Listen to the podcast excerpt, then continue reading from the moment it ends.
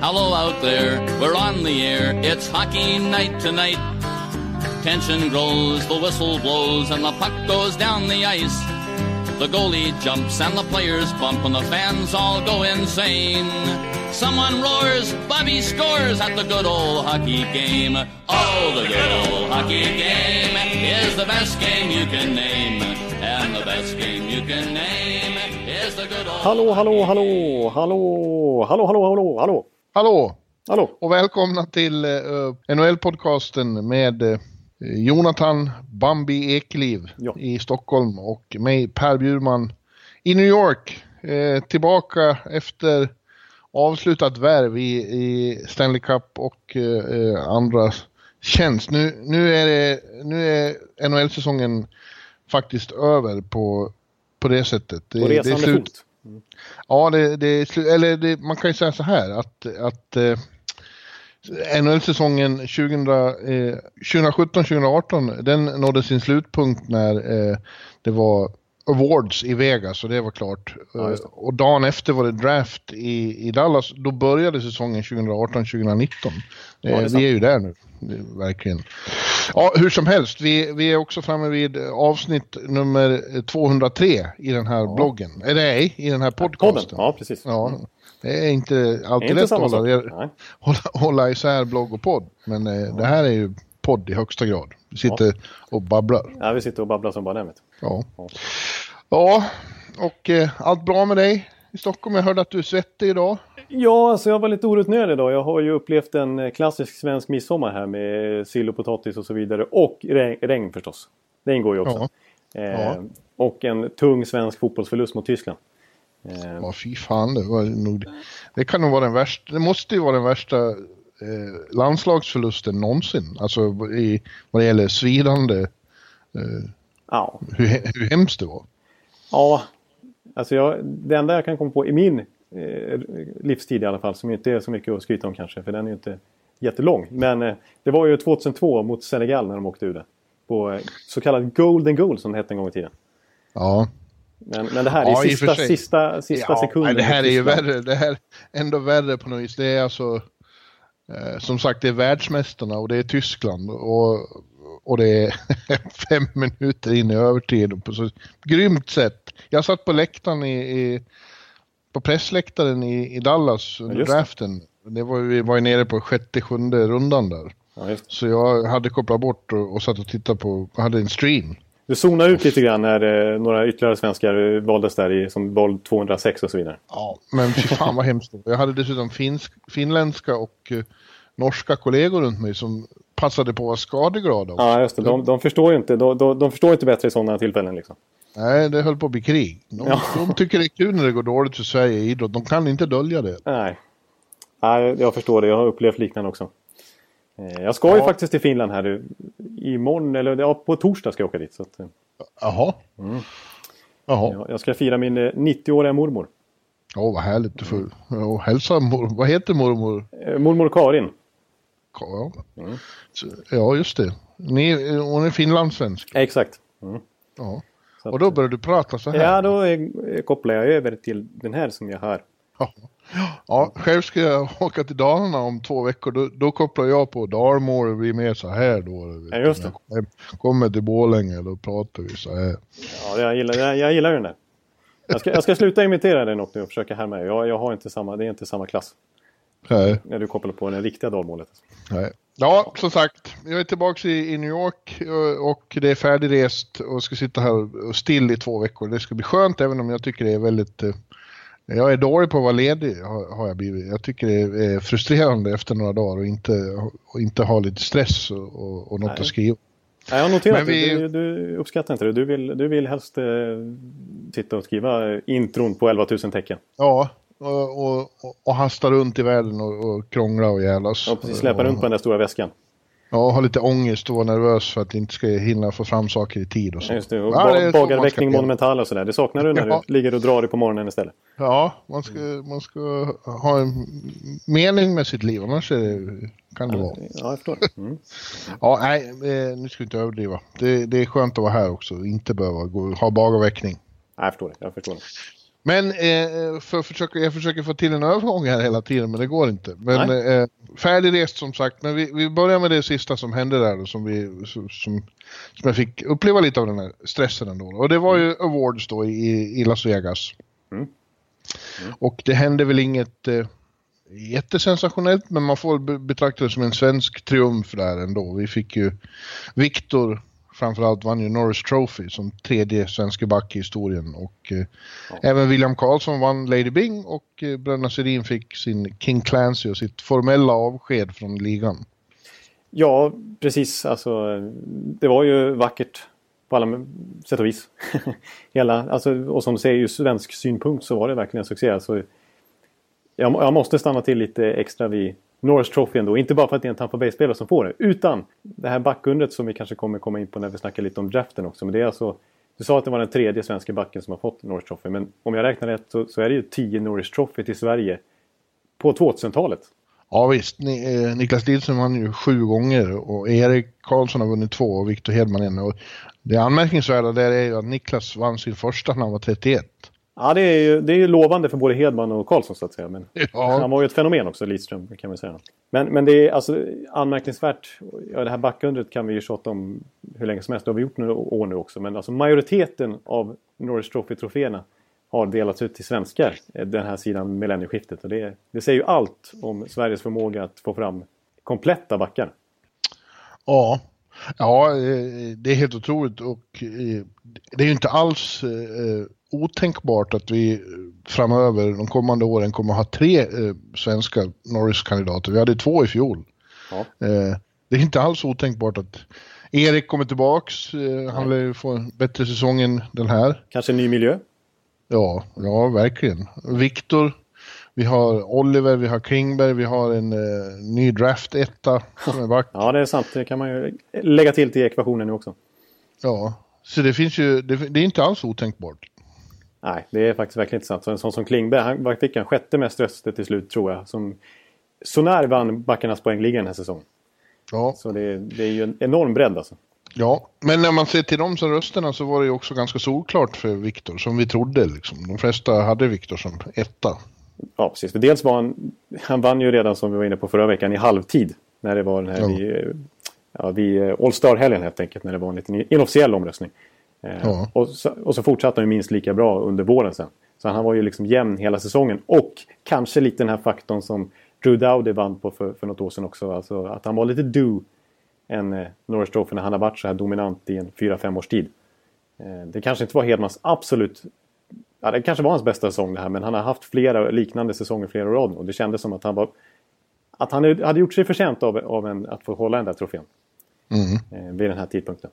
Och varit väldigt glad och stolt. Eh, det var roligt att se. Betydde mycket för honom. Han, han pratar ju mest eh, under säsongen och så, så pratar han ju verkligen mest om, om, eh, om laget och, och, och han har ju svårt att och, och, hylla sig själv. Liksom. Ja. Men, men det märkte man att det betydde mycket att han var tredje svensk men framförallt som han uttryckte han var han är den första back, back i Tampa som vinner Norris. Ja, du vet, vi är inte bortskämda med sånt.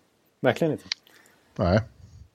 Nej, och eh, i övrigt eh, hade det varit lite eh, diskussioner om Hart där. För det var ju lite mer ovisst än det brukar vara vem som ska ha MVP-priset. Mm, mm. Eh, och i väst tyckte många då att Nathan McKinnon vart, vart rånad när Taylor Hall fick den istället. Men jag tycker, jag, jag tror jag sa förra veckan och, och har skrivit det också att det är liksom hugget som stucket mellan de två. För de gjorde i princip samma sak de två. Ja. Eh, de, de bar varsitt nederlagstippat lag in i slutspelet och var helt, helt, helt avgörande för de lagen. De var så dominanta så det liknar ingenting. Eh, så att, eh, nej visst det kan man ju tycka att Nathan McKinnon förtjänade, men det gjorde Taylor Hall också. Ja, jag tycker verkligen det. Man, jag sa i förra veckan att jag tyckte ändå McKinnon, om jag skulle välja någon av dem, och du sa Hall. Men jag, jag har väldigt svårt att uppröras över att det blev just Hall. Det kändes ja. som att det var, som säger, hugget som stucket och väldigt liknande eh, säsong i varsin konferens. Eh, ja. Och på Halls sida liksom, han kanske var ännu lite mer... För jag, visst, McKinnon tror jag var enormt bidragande till att Rantanen kommer upp i över 80 poäng och att Gabriel Landeskog studsar tillbaka med en så fin säsong också. Den, hela den kedjan. Men Taylor Hall var ju... Han bar ju verkligen New Jersey nästan ensam. Alltså Nico Hischier var näst poäng bäst på 52 poäng. Medan mm. Taylor Hall hade över 90 poäng. Så att han, var, mm. han var ju totalt överlägsen i det här laget. Eh, ja. Så att jag, jag har svårt att uppröras över, över det beslutet. Till slut. Ja. ja. Sen var det ju så då att, eh, att eh, för första gången så, så eh, publicerades ju våra röstsedlar den här gången. Och ja, det. det. förväntades ju bli mycket liv kring det och det blev det, men kanske inte på väntat sätt. Jag hamnade ju i, i blickfånget. Jag vet inte om du har hört det här? Ja, nej, det har jag faktiskt inte hört. Alltså. Nej, det var ju så här när folk började höra av sig till mig, hur, hur, hur fan har du lyckats med det här? För jag, mina hartröster var ju då... Eh, Okej, okay, jag, jag, kan gissa vilket det var. Mm. Men säg du. Ett, mm. ett Taylor Hall, två Claude Giroux, tre Nathan McKinnon, fyra Conor McDavid och fem Alex Ovechkin. Men mm. när, när de publicerade röstsedeln så stod det att min nummer fyra var Connor Hellebuck. Det, det, jag noterade det, för jag, titt, jag var ju tvungen att titta på alla röster. Så såg jag så här, Connor Hellebuck på fjärde plats. Liksom, hur tänkte Bjurman där egentligen? Ja. Och väldigt inkonsistent med tanke på att han var nummer två i min ja, All-Star. Just det, du hade väl Rinne ett eller Vasilevski? Ja, ja nej, Rinne. Eh, och eh, jag tänkte, vad fan, hur blev det här nu? För jag hade röstat på eh, McDavid och, och tänkte, skrev jag verkligen fel Connor här? Ja. Fick lov att gå in och kolla på mejlet jag skickade i april och nej, jag skrev Conor McDavid. Så det är någon, något arsle på eh, eh den här eh, revisionsfirman vi använder, ja. eller som NHL använder snarare, ja. som har skrivit in fel bara, helt enkelt. Det är någon Winnipeg Jets-fan alltså. Det är Conor Hellebucks eh, syssling eller någonting. Som... Nej, bara någon lat jävel som, i, ja. som inte som inte var vaken när han skrev in det. Men jag, jag får vara glad att det inte var Conor Sherry. Nej, precis. Ja, exakt. Det hade kunnat bli... Hellebuck det var inte totalt orimligt. Det var liksom inte... Jag såg ändå, jag var tvungen att skala igenom. Är du ensam om det här nu? Eller? Men det var... Jag tror det var två eller tre till av alla, var det 150 journalister vad det kan ha varit. Ja. Eh, så, som också hade Hellebuck som en kandidat. Så att, du var ju faktiskt inte helt ensam heller. Nej, men som du kanske känner till så, så finns det ju få ögonblick under året när, när mitt eh, stubin går av. Ja. Så det, det ramlade in väldigt svavelosande mail till både eh, till PHV, ja, ja, vår intresseorganisation och till NHL. Och det slutade med att det framfördes ursäkter och, och krånglades och grejades. Så det här, ja. eh, det liksom, jag sa åt dem att ja, jag är för det här med öppenhet och så här, men det, det är mycket roligare med det om, om, de, om det går att lita på att de som skriver in det här inte är analfabeter. Nej, jag, jag, kan, jag kan tänka mig att det ramlar ur några ord du har lärt dig borta på i Nordamerika de här, det här decenniet och kanske något gammalt dal, dalmåluttryck också, jag vet inte. Ja, ja de, de fick sina fiskar varma. Ja, det, det, är fullt, det var ju välkänt också. Det var ju som sagt det första året här som det skulle vara öppet och så blir det Gör de fel? Nej, det är klart. Ja, och hur många gånger har de gjort sånt fel utan att vi vet om det? Det, måste ju gå att lita på den här processen. Om de skriver in fel, då, blir, ja. då är ju hela... Det hade ju kunnat bli avgörande. Det kan ju bli så, ja. alltså, till slut. Ja, det, det är ju irriterande. Det känns som den är compromised, hela omröstningen. Ja. När sånt ja. sker. Ja, det, det, det är sånt ljus till och med som, som vi ska titta på den här awardsen nu. Att de, den, är den har inte gått helt korrekt till alltså. Nej, ja. exakt. Ja, såg du några andra... Det var ju några underliga val kunde man ju se här och där. Jo, jo, jag noterade några som kändes lite som Homer Picks och så vidare. Och typ Dustin Brown som, som eh, Selke-vinnare till exempel såg jag något. ja. Ja. ja. Nej, men alla får väl ha sin åsikt. Ja. Roliga tyckte jag det var att, eh, och de eh, publiceras ju inte då, var ju Jack Adams till exempel, för det är radiopratarna som röstar där. Ja. Och där fick ju Dave Hextall två röster. Ja, det... det... Som årets coach. Ja, det, det kan man ju verkligen ifrågasätta. Det känns ja. nästan också som tryckfel, höll jag på att säga. Men så, så pass ja. konstigt var det. Slamkrypare, ja nej, men så verkar det vara. Ja, ja, det om det. Eh, det var kul att vara i Vegas ytterligare en gång och den här gången så gick det dessutom bra vid bordet. Jag fick revansch på Vegas. Jaha. Lady Luck, ja, Lady Luck och jag dansade hela natten lång. Ja, du som hade avvisat henne för ett tag sedan och sagt att du ska inte ha, ha att göra med fru Fortuna något mer. Liksom. Nej, men det gick verkligen bra. Ja, så pass. Mm. Så pass, ja. Ja, ja, ja. Ja, men du, eh, så flög vi från Vegas till Dallas då. Eh, Draften. och, eh, ja, det är, en, det är en underlig tillställning att, att bevaka. Den liknar ingenting annat. Alla är där. Mm. I, verkligen alla lag har ju sina eh, har ju stora liksom, trupper på plats och uh, dessutom är media från alla lag där. Uh, Ja, så det, det. finns inget evenemang som, som drar så mycket folk från själva branschen så att säga. Nej. Men när man väl sitter där som media så är det, ja, eh, man sitter och tittar när de ropar upp namn. Liksom. Ja, det kanske inte är den mest dramatiska upplevelsen. Det Nej. liknar inte en match direkt kanske. Nej, men så blir det ju hetsigt då för man ska springa och göra intervjuer med de som eh, kommer från ens lag eller nation. Ja. Nu hade jag som tur så hade Thomas Ros med mig. Och, eh, han är ju en eh, femstjärnig reporter som tog hand om allt sånt. Så jag kunde fokusera på att krönikera och eh, blogga. En så kallad skjutjärnsreporter får man kalla. Man behöver, inte, man behöver inte sitta och oroa sig att han ska missa någonting precis. Nej, det, det, så kan man ju säga. Och, eh, och s- som du säger, alltså, det var ju det bara flög svenskar hit och dit eh, som blev draftade. Alltså. Ja, det var ju bästa, utan tvekan bästa svenska draftåret någonsin. För till med hade vi ju nummer ett då som bekant Ja, i Rasmus Dahlin. Men sen hade vi 29 till. Och eh, alltså sammanlagt 30 och det är rekord med två. Eh, vi har haft 28 två gånger. Eh, Ja. Men nu var det 30 plus två som kan räknas som svenskar om man vill. I Oliver Wahlström och eh, Mattias Samuelsson. Det. Så att det var ju eh, succé på det viset. Som väntat gick Rasmus etta. Eh, Mm. och, eh, ja, vad ska man säga om det? Han, han eh, var såklart överlycklig och eh, hysterin där var verkligen stor. Men han, jag tycker han hanterade det alldeles utmärkt. Ja, jag, jag har ganska mycket att säga om, om just det här valet. Även om man, vi har pratat om Dalin till Buffalo ett tag nu och inte minst när det blev klart vid draftlotteriet. Där, men eh, men eh, som du säger, alltså, eh, jag som inte ens var på plats upplevde det som att han nästan, redan när han satt där med journalister och blev intervjuad, alltså det kändes redan då som han nästan halvsatt för att han ville sticka till planet och åka till Buffalo direkt. Han Ja. var så otroligt sugen och han, alltså, aldrig någonsin kan väl någon spelare eller människa överhuvudtaget uttryckt sig så positivt om Buffalo. Alltså som han sa, amazing och oj oj oj, dream come true, finally och I just want to Ja. go to Buffalo, oj oj oj. Och så sit, ser man han sitter på planet där någon dag senare med Buffalo Bills keps på sig. Och det, deras quarterback där har redan bjudit ut honom på att eh, käka Buffalo Wings där och, och eh, Dahlin är lyrisk. Och, och Jack Ja. Eichel ringer upp honom och åh, äntligen liksom. Och, eh, säsongskortsförsäljningen eh, har ju stuckit i höjden igen där. Och, Ja. ja, det, det, han är ju Messias och han själv verkar supa in allting. Och, oj, oj, det, ja, Ja, men jag tror framförallt att det ska bli otroligt skönt för honom att börja spela hockey nu. Så för det här har ju varit år när han har varit på audition kan man säga och gjort en massa saker som han har skött eh, utmärkt framförallt här de sista månaderna. Eh, Men jag tror inte det kommer naturligt till honom att, att hålla på med det här liksom. Sitta i 7000 intervjuer och svara på samma frågor och vara liksom eh, vallas runt på olika konstiga event och, och visas upp och så. Jag tror att han jag tror att den här längtan efter att få komma till Buffalo och, och köra och träna tror jag, tror jag var otroligt äkta.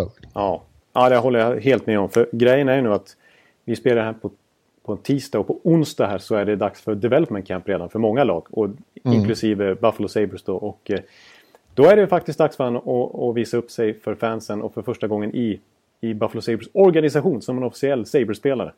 Och, Ja. eh, Till och med när jag tänker efter nu, det kanske är första gången vi, vi får se Rasmus Dahlin utan galler. För nu är han ju, Ja, just nu är han, behöver han inte ha det längre. Nej, tack och lov. Jag tycker galler är jävligt fult. Ja, Jag tycker det. Ty, tycker inte du det? Jo, det är est- estetiskt eh, så, så är det inte lika... Nej, det, det, det, känns ju som att man är liksom separerad från resten av laget. Det, det, blir något, det är något fel liksom. Ja, Det, det, man tillhör liksom inte ett vanligt hockeylag om man, för en måste åka runt med galler. Liksom. exakt.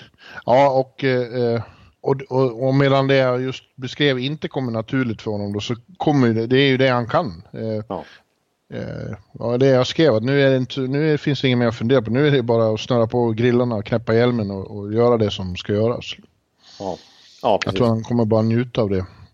Samtidigt som du, som du mycket riktigt påpekar där, så är ju det här det första positiva som har hänt för Buffalo Sabres och deras fans på väldigt länge. Ja. ja det, var ju, det var ju upphetsat när, när de fick Eichel också. Men ändå, då, då, de förlorade ändå det draftlotteriet och ja, gick miste om Conor McDavid. Vet. Hela, de hade jublat när de förlorade mot Arizona och skrikit McDavid, McDavid och liksom haft 97-tröjor, liksom, nummer 97-tröjor tryckta på ryggen när de satt under den säsongen. Så att, mm. Eh, det här är, nu har de faktiskt vunnit draftlotteriet och de får en back som de så väl behöver också. Ja, eh, ja det känns som de, det, det här är mycket mer positivt. Ja, ja exakt. Och som jag sa det, det, det säsongskortsförnyelsekvoten den var liksom usel eh, här innan draftlotteriet eh, gick av stapeln. Alltså de hade en sån, ännu en sån hemsk säsong bakom sig och slutade allra sist i NHL. Men så vinner de draftlotteriet och vet att de ska få Dalin. Nu är det liksom tok-hype där i hockeystaden Buffalo igen. Ja. Mm. Ja. Eh, det ska bli väldigt spännande att följa utvecklingen här de kommande åren. Jag ja. tror ju att eh, det kan gå fortare än man tror. Eh, och göra ett anständigt lag av dem i alla fall. Ja. Inte contender, det skulle väl vara Nej. enormt förvånande. Men för, för, det känns ju som att för Buffalo så är det eh, skulle det vara ett framsteg bara att göra en hygglig säsong. Liksom, lämna bottenträsket. Ja, alltså att man ändå i diskussionen om vid slutspelssträcket att man tävlar om någonting. Ja. Att man inte medvetet vill förlora i princip som det har varit flera senvintrar i rad nu kan man säga.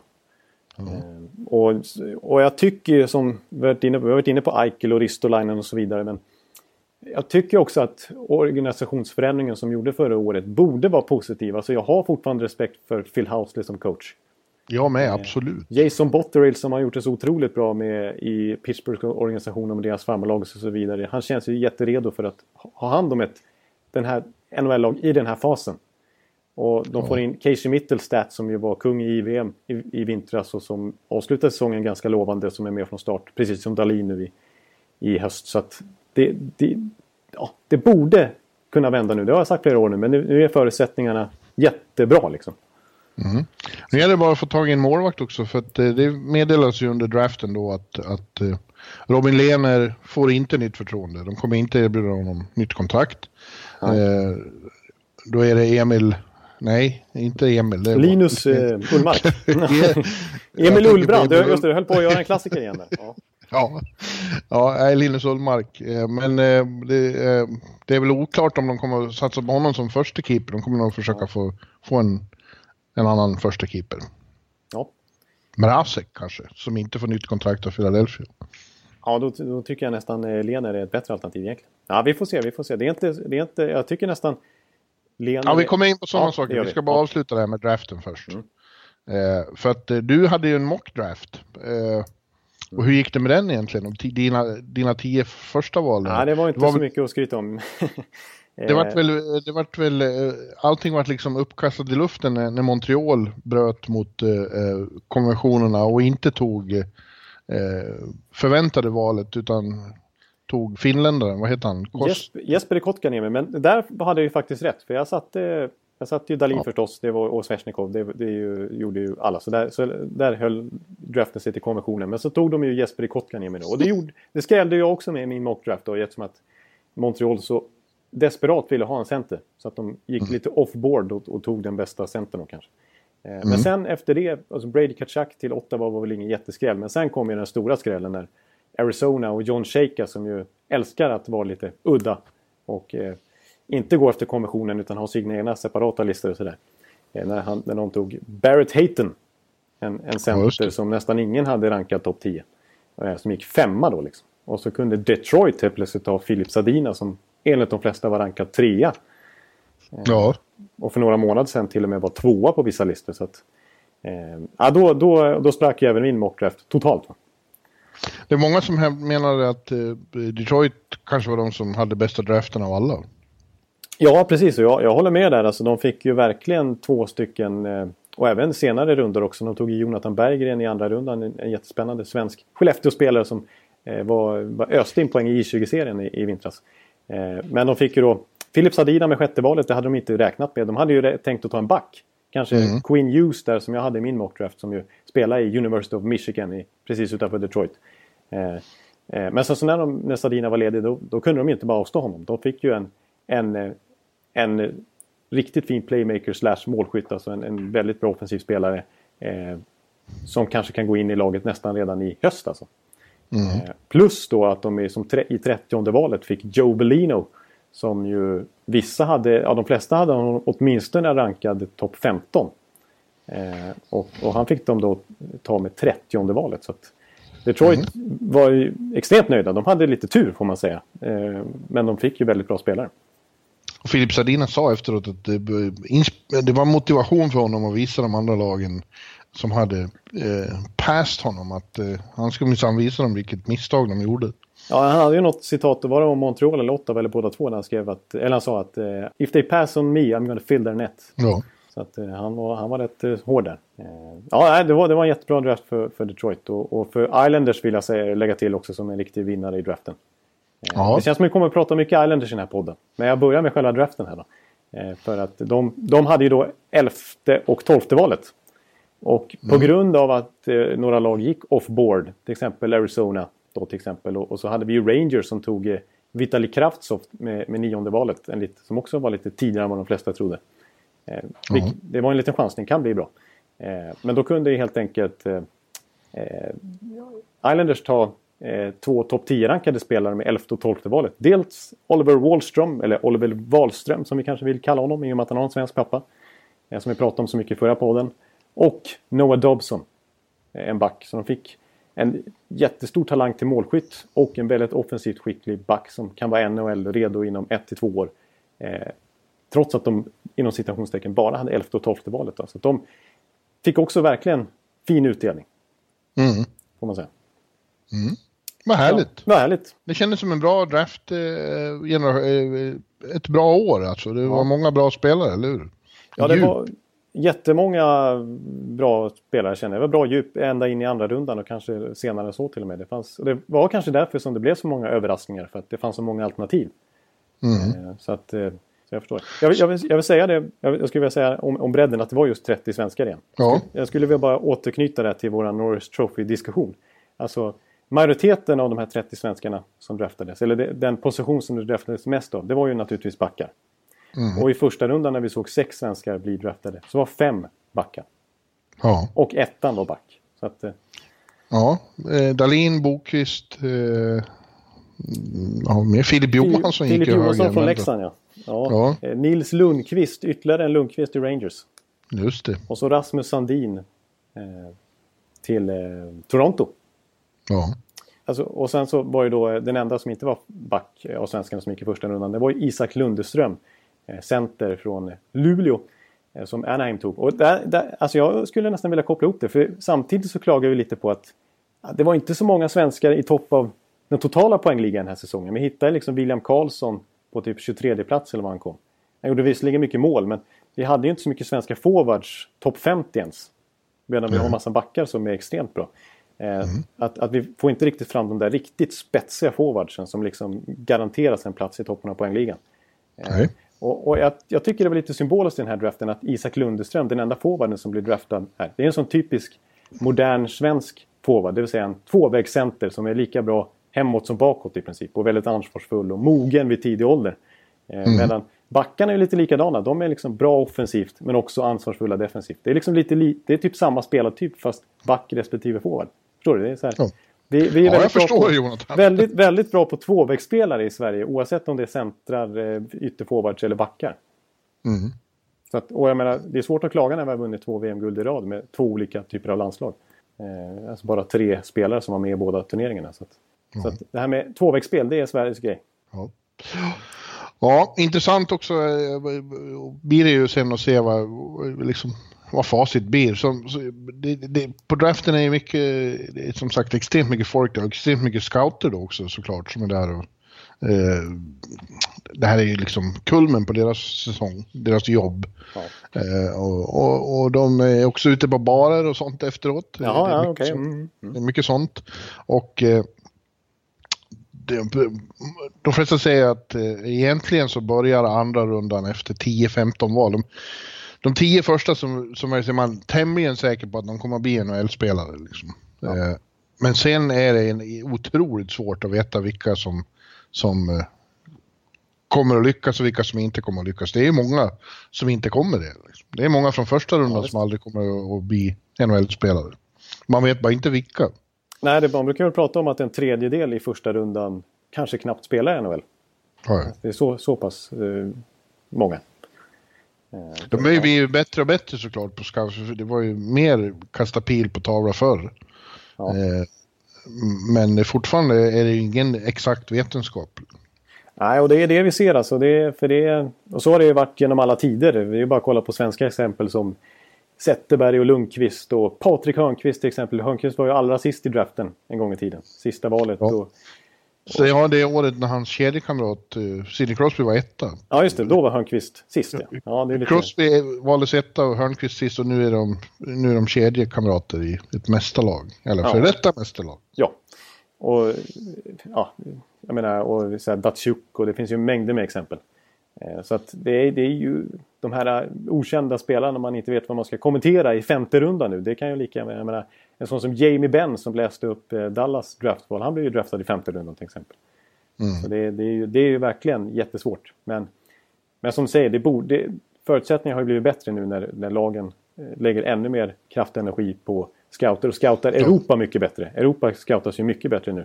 Och ja. eh, också har de ju statistik och sånt att ta hänsyn till. Ja, jag skulle ju säga det. Och det finns fler tekniska hjälpmedel och allting. Ja, och videogranskning och sådär. Så mm. Men du, på, på, en annan punkt eh, var ju draften en besvikelse då. Därför att det hade hypats på förväg om att det här kommer vi, nu kommer det att bara braka till med trader och grejer. Och det gjorde det inte alls. Eh, det var, väldigt, eh, det var tvärtom väldigt få trailer, mycket färre än vanligt i samband med, med, med draften. Och mm.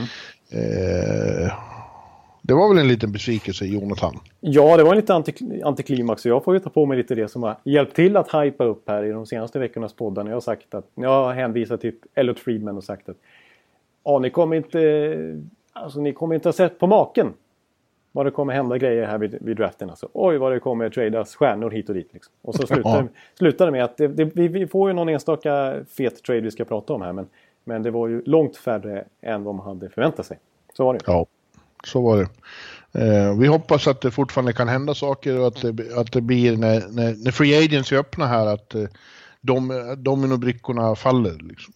Exakt, precis. Och, och, dagarna som följer upp här nu så det är fortfarande väldigt intensiva rykten på alla håll och kanter. Så risken är att när vi sitter och säger det här så känns det lite inaktuellt. För det kan, rätt vad det är så kan det smälla till med att dominoeffekten redan börjar nu ikväll, vem vet? Ja. Det, känns som att det, det, är mycket spelare i spekulationscirkusen åtminstone.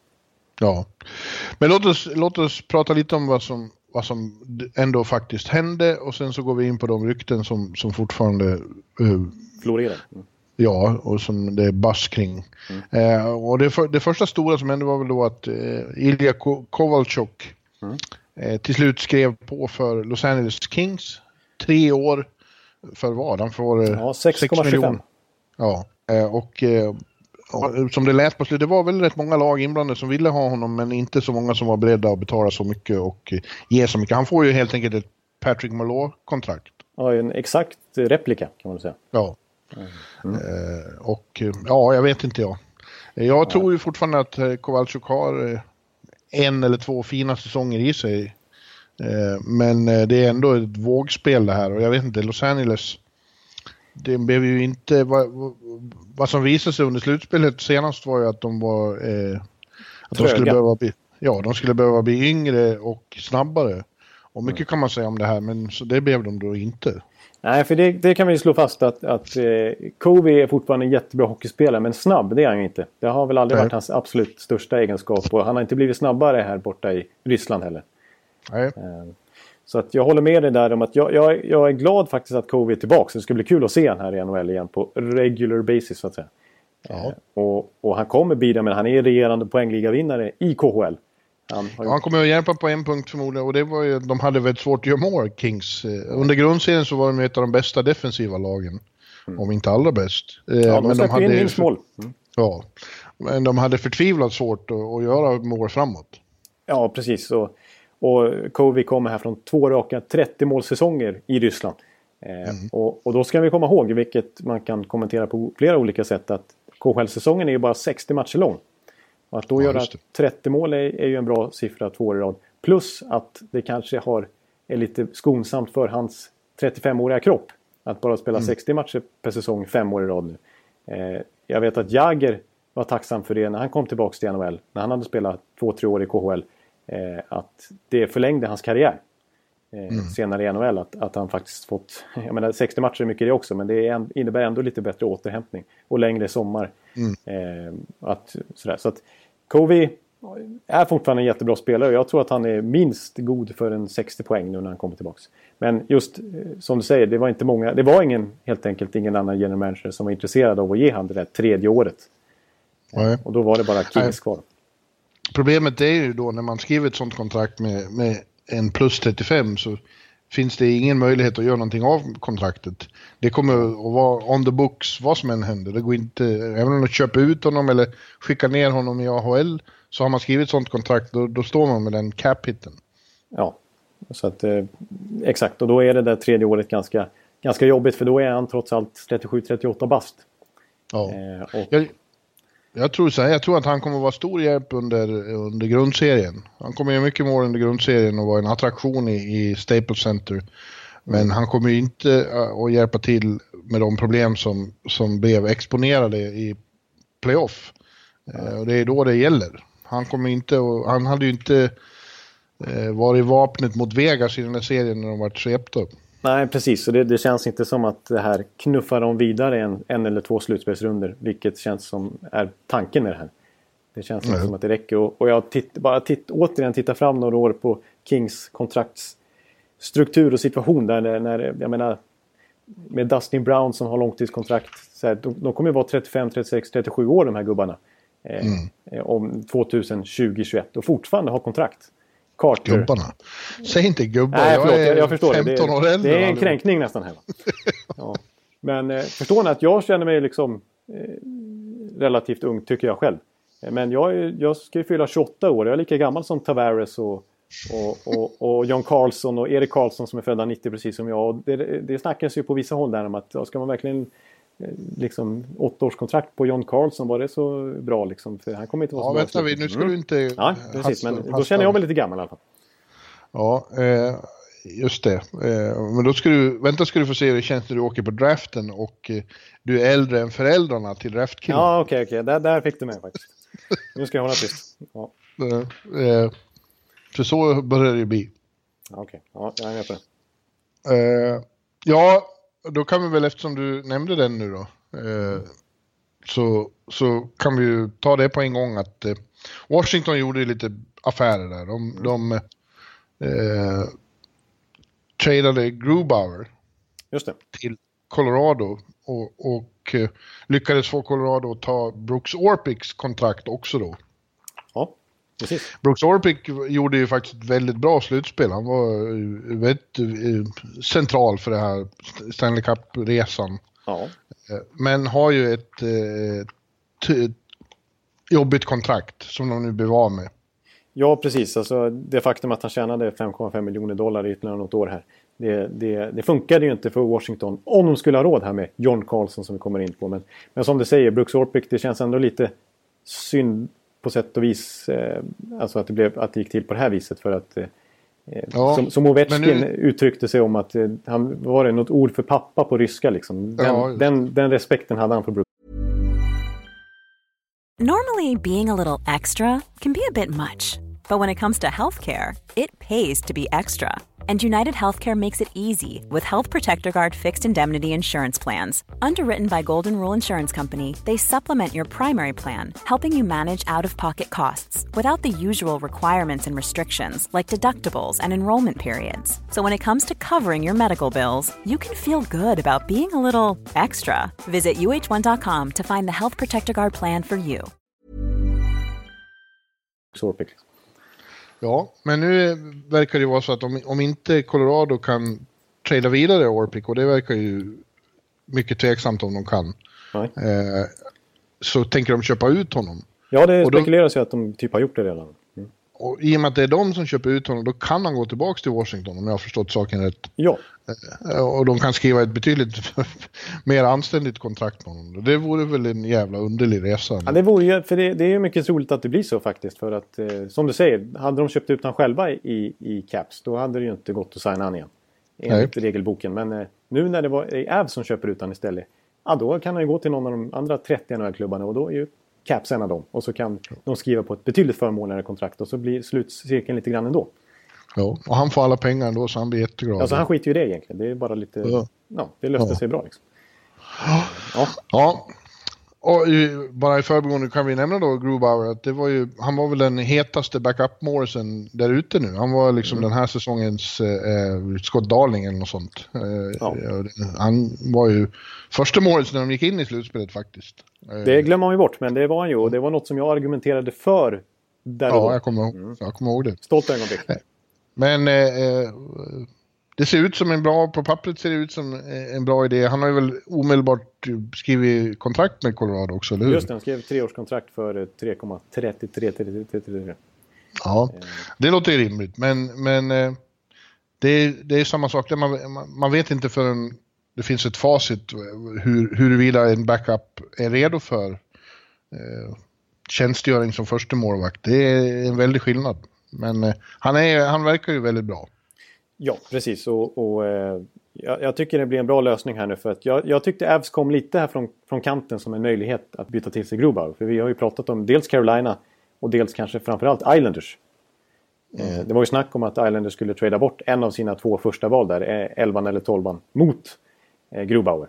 Men de var inte intresserade i sin tur av att baka in eh, Orpik. Och det var ju det som fällde avgörandet att det blev Avalanche till slut. Då, att de kunde göra det. Och eh, ja, jag håller med. Alltså, Varlamov har ju varit lite skadebenägen här sista två, tre åren egentligen. Förra ja. säsongen var han ju väldigt skadebenägen. Så att, han är ju en bra målvakt. Men nu har de ju betydligt, nu har de ju väldigt bra insurance här i Grobauer. Eh, och det kanske inte blir riktigt den här Scott Darling-pressen på, på Grobauer heller eftersom att han ändå har Varlamov där. De kommer ju konkurrera om den första spaden. Eh, mm. Och det som är lite pikant i sammanhanget är ju också att Varlamov Colorado bytte också till sig honom från just Washington mot ett draftval en gång i tiden. Väldigt lyckat. Så att de har ju goda minnen av att gö göra sådana här byten med just Washington. Ja, just det.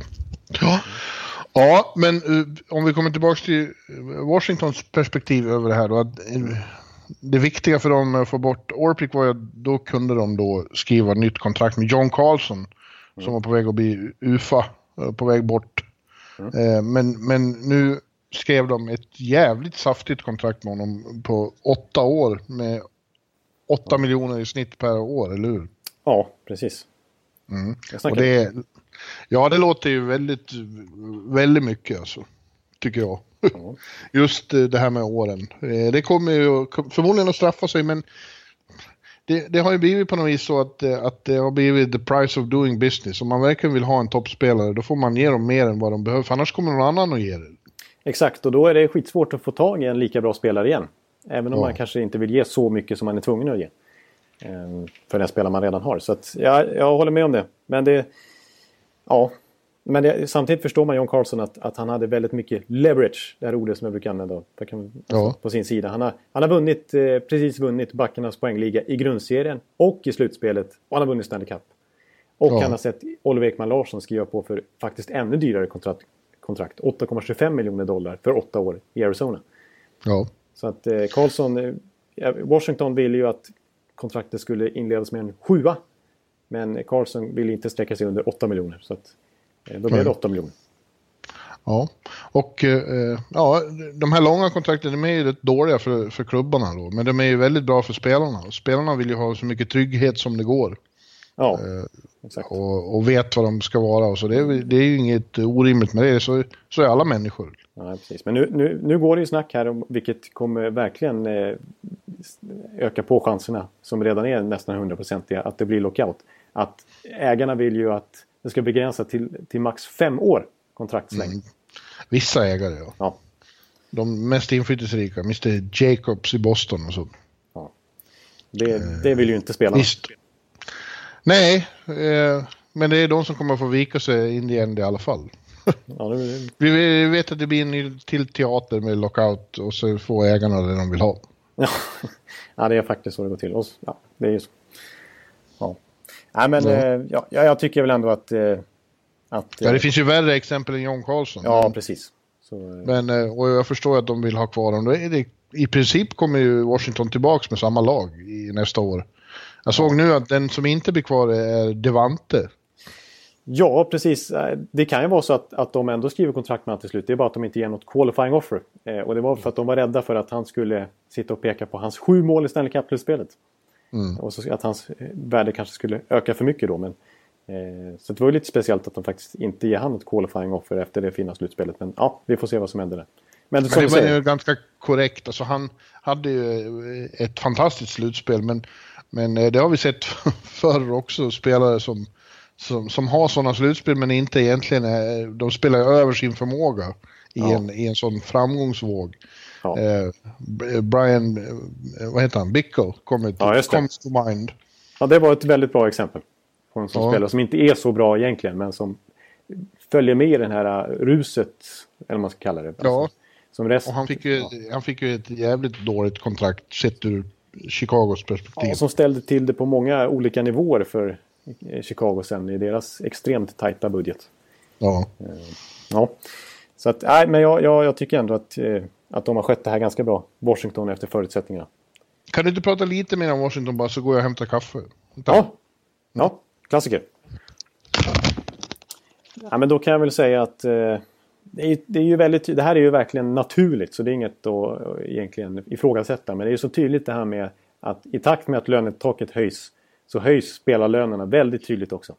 Eh, till exempel Kuznetsov skulle jag nog värdera som ännu viktigare, eller i alla fall ännu bättre än Karlsson eh, som spelare. Visst, Karlssons poängproduktion är fantastisk men han, hans produktion sköt ju verkligen ja. i höjden nu när han fick spela PP med Ovechkin och Kuznetsov på varsin sida. Ja, men, Vem pratar vi om nu? Nu, nu pratar jag om eh, lite lönestruktur och hur tydligt de går upp i takt med att lönetaket höjs nu. För det höjdes ja, ju med 4,5 miljoner till den här sommaren. Ja. Och Kuznetsov, förra säsongen skrev Kuznetsov på för 7, ett åttaårskontrakt för 7,8 miljoner dollar. Nu får Carlson ett för 8 miljoner dollar. Och visst, han är back så han kanske är värd mer. Men jag tycker Kuznetsov är en bättre spelare. Men det är ett tydligt exempel på att eh, ja, höjs lönetaket då kommer även spelarlönerna naturligtvis att höjas också. Om vi mm. såg Norris Trophy-vinnaren Victor Hedman skrev på för 7,8 härom, härom året. Eh, det, över, det trumfas nu av Carlson som jag skulle säga är en sämre spelare men får ett bättre kontrakt. Eh, det bara... ja, Viktors kontrakt beskrivs som, som club-friendly. Ja, precis. Och det är ändå 7,8 miljoner dollar. Liksom. Eh, men, och, och, och, där kan man ju verkligen säga att det här är inte dåliga nyheter heller för Erik Karlsson och för Drew Dowdy. Jag menar, vi pratar Nej. ju om 11, kanske uppemot, alltså 10, uppemot 11 miljoner dollar på dem eh, i mm. världen nu. Så att snacka om att ja, lönestrukturen höjs alltså. Mm. Ja. Ja, sen hade vi en, eh, sen hade vi en, en riktig trade i alla fall. En riktig får väl betraktas, eh, eftersom inte hände så mycket annat då, som en, bl en blockbuster. Ja. När eh, Carolina tradade eh, Elias Lindholm, eh, Noah Hannifin eh, till Calgary för Doggy Hamilton, Fairland och Fox. Ja. Mm. och det att, att Elias rörde på sig kom inte som någon chock. Eh, det, det framgick tydligt av hans agent där i, som slet hårt för att få komma till rätta med Carolina men det, det, de kom helt enkelt inte överens om vad de skulle göra Men...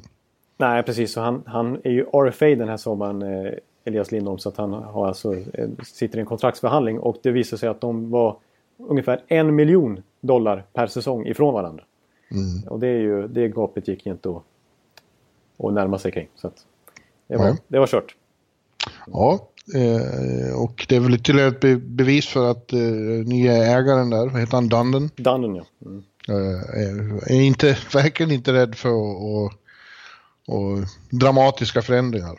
Nej, precis. Mer, mer kan komma sägs det Ja visst, det är det verkligen. Och, och, det sägs ju då att han var i allra högsta grad inblandad i den förhandlingen med Peter Wallén som ju är Elias Lindholms agent. Eh, mm. och jag menar, normalt sett så lägger sig inte ägare i sportsliga förhandlingar utan det är upp till general managern att sköta. Men Tom mm. Dundon är ju en speciell general manager som, som vill vara med och som är så extremt hands-on. Alltså. Ja. Ja, och nu råder det då väldigt debatt om vem som vann den här traden. Eh, Doggy Hamilton är ju, anses ju som en, det är ju en elitback. Ja. Men det är, nu har han blivit tradad igen här. Ja, det är anmärkningsvärt. Det är tredje gången. Ja, det är, ja, det är tredje klubben. Ja. Mm. Eh, och eh, det vittnar ju då om att det inte är rök utan eld när det pratas om hans eh, karaktär och personlighet. Eh, ja. Han är inte den mest älskade. Eh, faktiskt. Nej. Nej, det, det anses att han, att han har problem att komma överens med människor och, och visar så här eh, tydligt att han inte vill vara, ja tydligen han visat tydligt att han inte vill vara i Calgary då. Eh, Nej, och, och, ja, och lite grann att han, han har ett väldigt stort självförtroende och eh, ska jag säga, en syn på sig själv. Alltså han tycker att i Calgary verkar det som att, och kanske även i Boston, att, att han tycker att han är liksom typ bästa backen. Mm. Att han ska behandlas som det. Han ska liksom få PP-minuter eh, som om han vore Erik Karlsson ungefär. Och det är inget, alltså, han ska behandlas som att han är den stora stjärnbacken ungefär. Mm. Och det tyckte inte han att Calgary signalerade för att de var i sin tur missnöjda. Om man tar just Calgarys fall, att de tradar honom nu. Så, så var ju de missnöjda med att de hade en sån fin backsida och så blev det inte bättre än vad det blev den här gångna säsongen. För att de var inte nöjda med balansen där. Att, att, att Hamilton som högerskytt och så Hammonick som de tog in som också är högerskytt. Och så T.D. Brody som visserligen är vänsterskytt men som också vill spela på högersidan. Alla de tre konkurrerade på högersidan. Och Douglas Hamilton tyckte att han är självklart. Det är klart jag ska spela med eh, Mark Giordano i första backpar och vara högerskytt. Kom igen liksom. Hallå! Medan T.D. Brody då fick, fick hoppa till vänstersidan och spela med Hammonick och så funkar inte, funkar inte det något bra. Och nu, nu hoppas de i sin tur då att, att Brody ska gå tillbaks med Giordano i första backpar och att eh, Noah Hannafin ska spela till vänster ihop med Hammonick och att det ska bli bättre balans då. Mm. Ja, men låt oss säga så då. Hamilton är den bästa spelaren i den här traden, så är ja, det ju. Men, men, men, samtidigt så får alltså Calgary två yngre spelare med, som är väldigt talangfulla och eh, som det rimligen finns mer att, att, ta ut. Jag tror till exempel att Elias då kommer att må väldigt bra av ett miljöombyte. Eh, och att det finns, det finns definitivt mer potential att krama ur honom. Det tråkiga för honom är väl verkligen då att vad som händer är att han återförenas med Bill Peters direkt. Ja. Samma för, för Hannifin och jag vet inte hur, hur de känner för det egentligen men eh, ja det är i alla fall i en annan stad, i ett annat land och i en annan konferens. Ja, precis. Det borde, borde vara eh, bra liksom. Men jag blev lite orolig när jag hörde Bill Peters eh, prata om den här traden. För att visst, han höjde verkligen Elias Lindholm till skyarna och sa att han var jätteglad och han var delaktig i den här traden kan man väl säga. Men Samtidigt så pratade han om Elias på det sättet som jag hoppades att Elias kanske skulle komma ifrån om han blev tradad. Att, att åh, han är så versatile och användbar och anpassningsbar. Han kan spela både center och ytterforward och ner i tredje kedjan och en första line kanske med Monahan och Gaudreau. Men det är det som har varit lite problemet för Elias i Calgary tycker jag, eller i Carolina, att han har kastats runt i olika roller från match till match. Och aldrig fått den här kontinuiteten. Och det mm. tror jag har gjort att han inte har fått det här stora genombrottet som man tror att han har i sig. Eh, för nu pratar Bill Peters om att han ska använda honom på samma sätt i, i Calgary. Och då kanske det här miljöombytet inte ändå blir så stort som det skulle kunnat bli. Nej, precis. Du, ja, nej, det, det naggar lite den dimensionen i kanten. Ja. Förstås. Eh, men, men jag tror ändå att det är bara själva miljön och komma till en eh, hockey, en riktig hockeymarknad. Eh, Raleigh har ju varit lite tråkigt att vara i när det inte går bra så är det ju Nej. ganska tomt där. Ja, det har vi ju upplevt själva på plats där. Att eh, det kändes ja. som att det, vi... Ja, de hörde nästan nere i båset vad vi pratade om på pressläktaren ungefär. Ja, ja. Det är en kort nyhet här som hände mitt under inspelning alltså. från Ottawa. Alex Burrows has been placed on waivers for a buyout. Ja. Mm. Det var den eh, traden som fick sitt definitiva eh, slut då. Att Dahlén eh, eh, ja, ska börja sin karriär i Vancouver nu. Medan mm. Burrows, som han, han byttes mot i Ottawa, eh, blir utköpt helt enkelt. Så att, ja. Det var kanske inte så bra av Pierre Dorian. Nej, kanske ännu en sak som inte var så bra. Nej, precis. Det var exakt. Nu fortsätter att kasta skit på stackars Ottawa. Ja.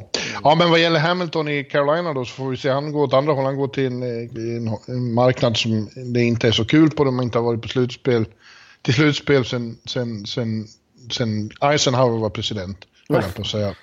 Eh, men eh, eh, kanske samma sak där om han får miljöombyte. Men det känns ju som allting är up in the air med, med Carolina. Allting är lite skakigt och eh, man vet inte vad som kommer att hända den här säsongen med, med, med den här nya väldigt eh, hands-on-ägaren. Nej, det, det känns skakigt faktiskt, måste jag säga. Men jag tycker traden ändå är, är ganska bra.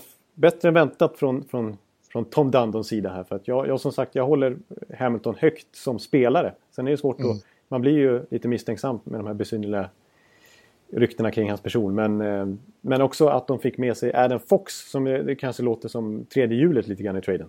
Men mm. det är ju en, en jättespännande backtalang som var dominant på college-nivå. Men som indikerade för Calgary att han minsann nog inte tänkte signa med dem. Eh, och det kan ju bli samma situation i Carolina att han väljer att bli college free agent här om något år eller två. Eh, men om de lyckas signa honom så är det en... Det är inte Charlie McAvoy-klass på den collegebacken men det är, det är hög klass. Och han var poängbäst i USAs JVM-lag i vintras. Har spelat två raka JVM faktiskt för USA. Och Eh, har gott renommé på den nivån. Så det kan bli en, en bra NHL-back av honom också. Så att, eh, Coolt namn är det också. Adam, Adam Fox. Fox. Ja, är... jag, vill heta, jag vill heta Fox i efternamn. Per Fox. Per Fox. Det är bra namn. Ja. ja. Det kanske är bättre än Per Björman. Ja. ja, vi säger så. Jag döper om mig till Fox. Ja. Ja, jag, skulle, jag, skulle, verkligen behöva byta efternamn för att funka internationellt. Alltså för Ekeliv, det finns ingen amerikan som har lyckats uttala det till närmelsevis. Alltså. Ja, men de förstår inte det här W på slutet. De fattar inte att, kan, att man kan uttala det som ett vanligt V. Så att de säger ju Eklov. Eklov. Ek Okej, så okay, so, so, Mr Eklov. Are you going to check, check in here? Okej, okay, Eklov. Ja. Lägg in ett J mellan ett B och ett U då, ska du få se. Ja, jag, jag förstår. Mr Begerman är det vanligaste. ja, det, det, är inte, det är inte 5 plus det heller. German. Eh, men det, vi minns ju från eh, diverse ackrediteringsbrickor att de har svårt att stava till Ekeliv också. Ja, det, det är Elilev. Elilev är ju vanligast. Ja, hur är det möjligt? Jag fattar inte. Elilev, ja. ja. Kämpa, kämpa Jonathan. Ja, faktiskt. Usch. Ja, ja eh, men nu kommer vi, från, kommer vi off topic lite grann här. Eh, ja, det kommer knappt. Vi pratar ju om, om eh, blockbuster-traden i alla fall. Men, ja, men så, så vart det inte så mycket mer trader då. Eh, Nej. Eh, apropå Carolina, jag skulle bara säga det. Eh, igår vart det också känt då att Joakim Nordström får inget nytt kontrakt heller. Nej, just det. Han fick inte något qualifying offer så han blir ju UFA då. Ja. Eh, borde kunna få nytt jobb tycker jag, någonstans. Kanske inte jättemycket pengar, men ett jobb borde han få.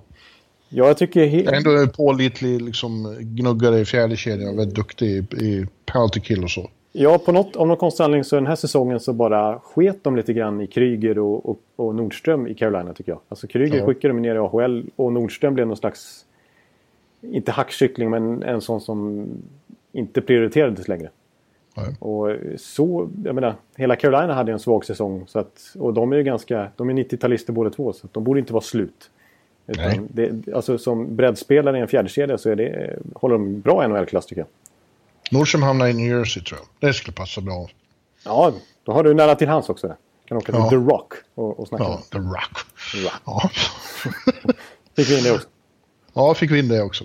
Ja, men eh, nu ska vi prata om det som inte händer, men som kanske händer. Eh, mm. Och eh, det, det, mest diskuteras det ju nu då det faktum att John Tavares eh, är i Los Angeles och möter fem lag för, eh, ja, se vad de har att säga honom. Eh, ja. Många tror att fortfarande att det är Islanders som är hetaste alternativet, men bara det faktum att han gör så här, det gjorde inte Stamkos till exempel, Nej. eller hur? Nej, det här, är, det här skulle jag säga är ja, den, den största free agent-soppan, storyn-grejen som jag har upplevt. Ja. Alltså den här det... digniteten på spelare och den här dramaturgin runt hans val. Ja, det är redan så att Islanders fans som har förstått det är lite eh, stötta av det här, provocerade att han överhuvudtaget gör det här. Mm. Eh, känner ju de sig svikna av. Mm. Eh, för vilka lag han möter? Det är ju då Kings, ja. det är Tampa. Nej, inte Kings. Är... Man kan tro att det är Kings bara för att den är i Los Angeles. Men det är faktum är att valet av ort är ju på grund av att hans agentfirma har sitt huvudkontor där. Okej. Okay, okay. Eh, så det, är inte, det, är inte, Kings utan det är, det är, eh, det är Dallas, det är Toronto, det är Tampa, det är Boston och det är San Jose. Ja, just det. Ja, just det. Plus Island. Väldigt intressant. Ja. Ja, det är ju, och det pratas om att, att Toronto har, har gjort något enormt paket där massa spelare ska övertala honom och så. Ja, alltså det, det tycker jag också är så bara ytterligare alltså i dramaturgin som jag pratar här. Alltså det faktum att all Toronto-media är ju där utanför det där kontoret och de har ingen som helst tillgång till att komma in där och få några intervjuer utan de bara står och filmar så här liksom.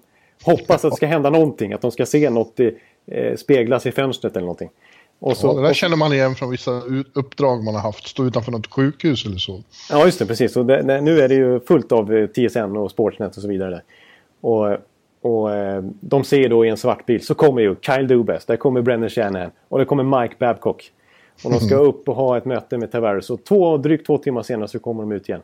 Och då ryktas det om, som du säger, att de ska ha haft en, en promotional video typ. Jättesuperambitiöst redigerad. För att liksom eh, för att visa upp för Tavares att eh, kolla att du ska komma hem till Toronto och spela för oss. Och, eh, och de, det, ryktas, det är ju inte bekräftat på något sätt heller men det ryktas om att de ska ha haft med sig en, en Toronto-tröja med 91 på ryggen med C på bröstet. Och eh, visat upp för Tavares. Det här väntar dig också om du skriver på för oss. Att, eh, ja, det är väl inte säkert att han vill bli det. Nej, precis. Det kanske säger emot också. Så här. Han kanske bara, aj då, det avskräcker dem. Men, ja. ja. Eh, och sen, då, apropå om man bara börjar med Toronto där, så, så tycker man ju att det, det, låter svårt att klämma in Tavares kontrakt på över 10 miljoner det också som det kommer ju bli. När man har eh, Matthew som ska ha nytt kontrakt inom ett år, Marner inom ett år och så Nylander som den här sommaren ska ha nytt kontrakt. Och så är de dessutom i stort behov av en jättebra back. Ja. Så vad ska de få Tavares pengarna ifrån? Eh, och ett rykte som spekuleras Ja, pengarna får, har de ju, men, ja, det har men de, utrymmet. Men utrymmet, ja precis. Och ett, ett, eh, en spekulation då som, som finns, som cirkulerar, det är att Toronto erbjuder ett ettårskontrakt.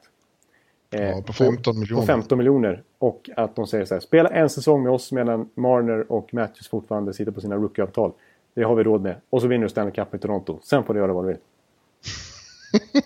Mm. Ja, det, den tror jag inte går hem. Alltså. Nej, det tror inte jag. Eh, ja. Men de andra lagen eh, som är där och diskuterar skulle ju också behöva göra enorma saker om de ska få plats med honom.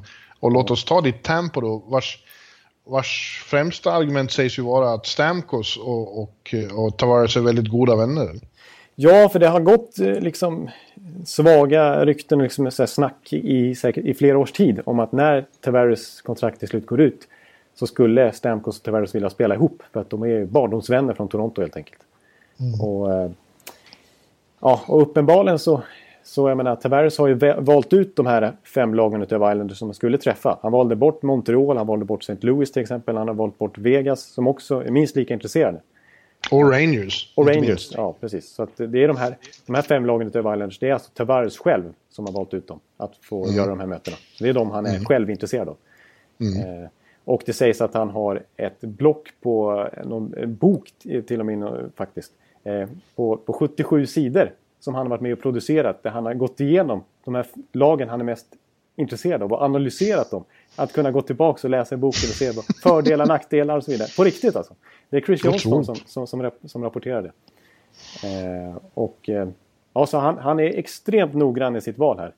Och, eh, och Tampa då, det, det, jag tror att enda grejen är just den Stamkos-faktorn som är saken. Och kanske, vilket ju är en fördel för just Tampa, att de, och även Dallas då i, sin tur, att, att det inte är någon delstatsskatt. Nej, exakt. Man får ju ut mer pengar om man spelar i Tampa.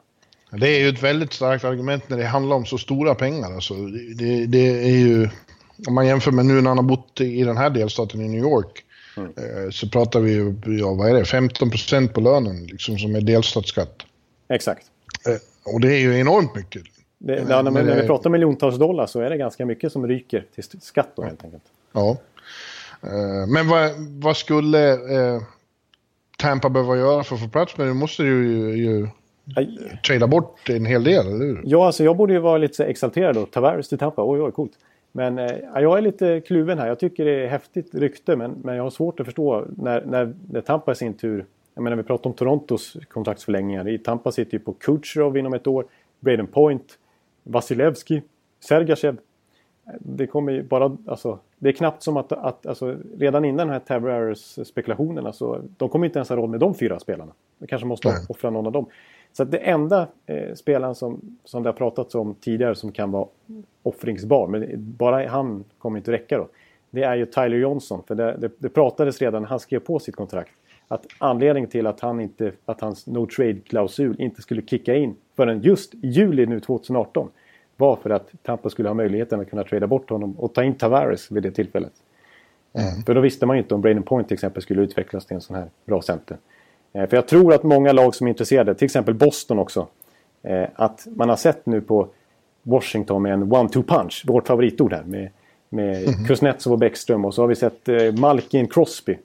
Och vi har sett alla de här lagen som vinner Stanley Cup senaste året. Carter Kopitar i sin, för några år sedan när, i dubbla Stanley Cups. Alltså hur viktigt det är med en one-two punch på centersidan.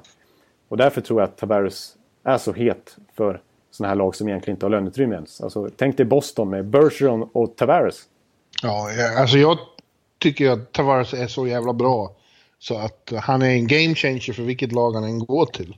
Ja. Eh, jag tycker att han är hyllad, men jag tycker ändå han är ligans kanske mest underskattade superstar. Han har spelat i ett jävla krattigt lag hela sin karriär. Ja. Eh, och vi har aldrig fått se honom i, i riktigt uh, gynnsam miljö. Jag tror ja. att han uh, kommer att vara enorm. Men tänk om det blir Tampa, då har de alltså ettan och tvåan från 2009-draften. Ja, just det. Det var Hedman som gick tvåa då. Mm. Ja. Och så har de ettan 2008. Alla, alla ja, tre är ju födda 90. För att Tavares och Hedman är ju sena 90 år. Så de gick ett år efter Stamkos. Ja. Ja, det skulle vara något. Då måste det bli Stanley Cup, Jonathan. Ja, då blir du nervös. praktfiasko. Då blir du nervös för det? Jag blir ju, ja, självklart, jag är ju så. Så fungerar jag som person. Jag kommer ju bli nervös om det blir så här. För jag kommer tänka att förväntningarna blir så höga. Oj, vad jobbigt. Oj, oj. Ja, det är som en, en, en, en, större version av när, när Tampa får fem mot tre. Du gillar inte för då är det så tungt om de inte ja, är mål. exakt. Jag är ju, jag är ju motsägelsefull som människa. Ja, Men, det är det eh, minsta man kan säga. Det är ja. en snäll, snäll beskrivning av vad du är. Ja, tyvärr. Men eh, jag, jag, tycker det, det mest logiska alternativet, kanske inte för Tavares, så här, det verkar inte, alltså, ja han har ju ändå med dem en som ett av de här fem lagen, men det är ju Sharks som har skaffa sig löneutrymme nu som inte har något problem att ta in en Tavares på 12 miljoner och som en naturlig arvtagare till Joe Thornton. Ja. Och de får en one-two punch där med Couture också. Eh, ja, och har redan Evander Kane. Eh, de blir ju jävligt otäckt bra om de får in honom också. Exakt, så att de är verkligen... Har Men då är Thornton-sagan slut, eller hur? Då... Ja, de, de, de, har råd att ta in han ett år till då kanske, men han kommer inte tjäna så mycket pengar som han gjort. Så att de kommer ändå ha råd att, att behålla honom. Men eh, hans tid som första center är officiellt över. Om de tar in Tavares. Så är det. Mm. Eh, så äh, jag tycker det är mest upplagt för dem. Äh, av de här andra lagen. Sen naturligtvis Islanders, om vi pratar om. Jag menar, snacka om att Lou, Lou York Islanders kan vi kalla dem för nu. Eh, gör sitt bästa för att eh, sälja in en kontraktsförlängning där med att dels att Lou har kommit in men också att han tar in Barry Trotz. Eh, ja. De, han var ju med på deras, de har haft sitt möte igår, på måndagen hade de sitt två timmars möte där i Los Angeles med Tavares. Och då var Barry Trotz med och skulle sälja in det nya Islanders till honom. Eh, och Lamorelli himself förstås.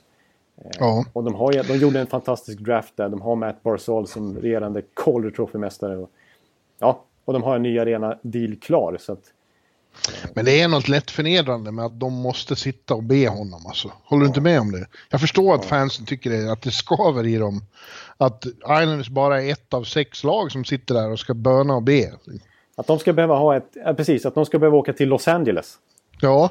Och, och sitta och få lika mycket tid som de andra lagen. Ett så här två timmars möte. Och presentera. Ja, liksom, det är deras för... Det här alternativet kan du också välja liksom. Det är en förmjukelse i det tycker jag. Ja. Eh, som, som inte känns helt kosher alltså. Nej. Men för, för Islanders-fansens skull så vill jag säga att självklart så, så är det jätte, jätteviktigt att Tavares förlänger med dem. Men eh, om man jämför med hur det kändes i vintras kontra nu så tycker jag inte det innebär döden för Islanders. Alltså, de har ändå Matt Barzal som skulle kunna ta... Man skulle vilja ha Tavares och, och Barzal som en one-two punch. Men de har ändå en Barzal som skulle kunna ta över som första center. De ja. har en jättefin draft, Bear Trotz, nya arena. Alltså det, det, det, är lite ljusare nu i alla fall. Men, Det är rationalisering, Ja. Jonathan. Om de inte får ta vara psy- det psykologiskt eh, helt förkrossande i det, är ju, är ju, sänker ju hela organisationen.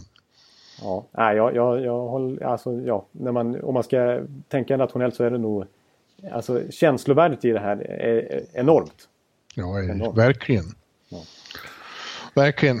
Och eh, även om han skriver på nu då för Islanders så jag tror fortfarande det blir så. Eh, Mm. Och eh, så, så, så kommer det att vara lite dålig eftersmak för många fans tror jag att det här hände.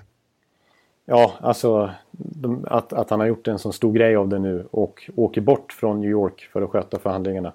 Och eh, ja, att han har all, all, alla de här uppgifterna som kommer ut att han har de här 77 sidorna han har knåpat upp själv i princip. Alltså Mm. att han så jättetydligt har övervägt andra alternativ. Eh, det är klart att, att det har krävts så mycket av Islanders för att få honom att stanna. Alltså så Ja. som de har revampat sin organisation på en månad här bara för att sista desperat försök få honom att, att lockas Ja. tillbaks. Ja, nej, ja. Vi, Ja, det- vi, får, vi får väl svar framåt eh, ja, i slutet av helgen här då. Ja, precis. Det tror jag också. Det är på söndag det är öppna va? På söndag är det Ja, första juli. Ja, Ja. Spännande hörru du. det är otroligt spännande. Ja. Vad tror du mer händer då? Vi har eh, mycket rykten. Det fortsätter gå rykten om Erik Karlsson. Eh, det hände ju ingenting nu under draften då, men jag hörde från vanligtvis väldigt tillförlitliga källor eh, i Ottawa att han kommer inte att vara kvar i Ottawa. Han kommer inte att spela Ottawa Senators mer. Tror de. Nej, och jag har ju varit inne på det länge att jag tror att eh, det, det alternativet är inte aktuellt längre. Utan han Nej. kommer trade down. Så att, eh, ja, jag vet inte, jag vet inte varför det inte Och det varit- sägs, eh, det sägs fortfarande Vegas då. Vi, Vegas ställde till det lite för sig genom att och, och skicka sitt första val då i den här draften till Detroit Ja. för Tatar. Ja, det, var, vilket- det var dumt. Ja, det var lite väl dyrt för Tatar som sen inte platsade. Ja, det är det som är så lite pikant. Jag har kanske varit inne på det också med Vegas förut. Men alltså alla de här misfitsen som de tog i expansionsdraften som var offrade av respektive klubb. De lyckades bra där. Men när de själv offrar grejer för att komma åt en spelare, då skiter det sig. Ja. ja, så vi får se. eh, Men eh, nu, får de väl eh, skicka sitt första val från 2019 då nu, för nu är vi förbi den här draften. Ja, just det. Mm. Eh, och så lite annat eh, smått och gott kanske. Ja, precis. Och där, eh, apropå Karlsson och Vegas så, så blir det intressant här under sommaren att se vad William Karlsson får för kontrakt också. Verkligen, verkligen. Hur Vi har, värderar eh. Mm. En annan eh, det pratas mycket om är Rick Nash då, vad som ska hända med honom. Ja, det kom ju några konstiga uppgifter om att han till och med övervägde att lägga av. Men det, har ju, ja, men, men det har ju faktiskt tillbakavisats. Eh, apropå, för han har ju haft lite hjärnskakningsproblem. Men eh, nu har han själv sagt att han är... Nej, jag ska inte lägga av. Eh, och enligt Darren Drager så är det ju uppemot 5, 6, 7 lag som redan har kontaktat honom den här veckan nu som föranleder första juli. När man har Ja. rätt att, att ta kontakt. Och bland annat så ska Columbus vara ett hett alternativ. Att han ska återvända till sin gamla stad. Ja. Boston eh, eh, är ju intresserade fortfarande också eh, faktiskt. Men det, det hänger ju lite på till exempel Tavares historien här. Exakt, och de var ju intresserade av Kowalczyk också. Ja. Van Riemsdyk är det mycket snack om förstås. Ja. Men han gjorde ändå 36 mål den här säsongen. Och mål är väl allra mest attraktivt att värva till sig kanske. Mm. Mm. Eh, där snackas det om ett dussin lag som också är intresserade. Så att han lär inte gråta över den lön han kommer skriva på. Det kan nog trissa upp ett pris där som är ganska fördelaktigt för honom. Ja. Ja. ja. Det blir spännande dagar. Och eh, spännande... Eh, ja, överhuvudtaget helt Ja. spännande. Ja, Pacioretty, vi har andra stora namn. eh, Ryan O'Reilly, Skinner, Falk, de här Carolina-spelare. Det, det borde kunna hända, hända mycket. Ja, det borde det. Och, och så kan det komma något som vi vet häromåret när det var Subban och Webber. Eh, det kan komma något från sidan som vi inte alls räknar med. Crosby mot... Eh, Ja, Kessel är fortfarande eh, i, in, i diskussion. Eh, han, han har sagt att eh, ja, han stannar väl helst, men han skulle inte ha något emot en trade heller. nej, ja, precis. Och det, är, att, ja, ja, men det är ju anmärkningsvärt uttalande. För det, så brukar man inte uttala sig innan en Nej. trade är genomförd. Liksom. Mm. nej. Det är intressant, mycket snack om Rangers, vad de ska göra här. De verkar ju som att de håller fast vid den här eh, retool-idén. Mm. Eh, men men eh, trailer kommer förmodligen att inträffa. Bör, eh, Hayes sägs vara på, på, tillgänglig, Zuccarello. Mm. Eh, och så har det gått rykten om att de kanske tar tillbaka Hagelin. Jaha, det har jag missat faktiskt. Ja, okay. Jo. Ja, det, det är ju... Jag, jag, har ju haft svårt att tro. Alltså Jeff Gorton har jag känsla av är en rebuildare. Alltså han kommer vilja eh, fortsätta där. Och det, det faktum att de skickade ut det här brevet i vintras att till och med ägarna var med på, på den här idén. Men jag har ju svårt att se att nu när de plötsligt ser att de har massa löneutrymme. Att det gamla klassiska Rangers-tänket ska försvinna. Att de inte ska lockas av de här stora namnen till slut ändå. Nej, jag, jag typ, tror precis som du. Typ Erik Karlsson. Ja, nej, jag, jag, jag håller med dig. Jag, jag, jag har också svårt att se att, att de ska ha sånt tålamod och vara, vara, vara, vara, smarta på det sättet. Det är inte New York. Nej, och de här logerna där som kostar miljontals ja. dollar kanske, i alla fall kronor att hyra ja. för en säsong. Alltså att de ska se ett lag som siktar på ett högt draftval. Liksom. Nej, det, det går Nej, inte. Det, det är inte riktigt New York. Alltså, det, det, det, här är ju en stad med en speciell karaktär och uh, uh, short attention span och vill ha kickarna nu. De vill ha kvalitet, nu. underhållning. Mm. Ja. ja, vi får se om de lyckas stå emot frestelserna. Jag tvivlar. Jag tvivlar också. Mm. Ja, men eh, det känns som att nästa podd i alla fall, det är väl våran långa sån här genomgång av ja. första dagarna av off-season efter första juli och liksom sammanfatta lite vart, ja. vart, vad som hände. Och sista, det... sista podden för säsongen ja, nästa vecka. Exakt. Och sen så... åker jag till Sverige. Vi kanske gör någon under sommaren bara för att, att göra en gemensam. Ja, exakt. Så kanske vi kan göra den på plats till Ja, exakt. Ja, vi borde göra den live. Det ska ju våra kollegor göra. Eh, Linkvist och kompani. Ja, just det. Det är väl alldeles här i dagarna. De ska vara på O'Learys i Stockholm. Ja, just det. Ja. vi borde också göra en live eh, någonstans. Ja, vi kanske får helt eh, slänga ihop en live på det. Vi får se. Om vi kan, vad, finns det för, ja. vad finns det för pubbar i, i Örby? Örby bar och kök. ja, vi får vara där. Eller så får vi åka till Borlänge. Ja, det är nästan så. Alltså. Örby bar och kök, då blir det nog bara tio personer som får plats där. Så det blir ingen lyckad live på tror jag. Örby bara kör, fint. Du, eh, ja, apropå uh, ingenting, så eh, det är ju, vad är det för dag vi spelar in det? Tisdag? Just det. Nu om uh, två timmar efter vi har spelat in det här, klockan är ett på dagen här. Mm. klockan tre får vi veta vilka som väljs in i Hall of Fame. Just Och uh, de som är hetaste trion är då Martin Brodeur, Martin Saint-Louis och Daniel Alfredsson. Ja, det är ju nästan så att folk kommer undra här i början av podden varför vi inte tar upp det. Men det hinner vi ju inte göra helt enkelt då. Men det kan ju alltså bli Alfie i Hall of Fame. Det är ja. stort. Det är stort. Man vet ju att Brodeur som är första eh, eligible, eller hur man uttrycker ja. det, han blir såklart invald. Och förmodligen Saint Louis också. Ja. Eh, sen finns det några konkurrenter till Alfie då. Mogilny, eh, en Curtis Joseph. Ja, Eh, men, men det blir uppror. Tänk om det kunde få hända något trevligt för Ottawa. Det blir uppror där om de inte väljer in Alfie. Ja, precis. Nej, jag tycker visst.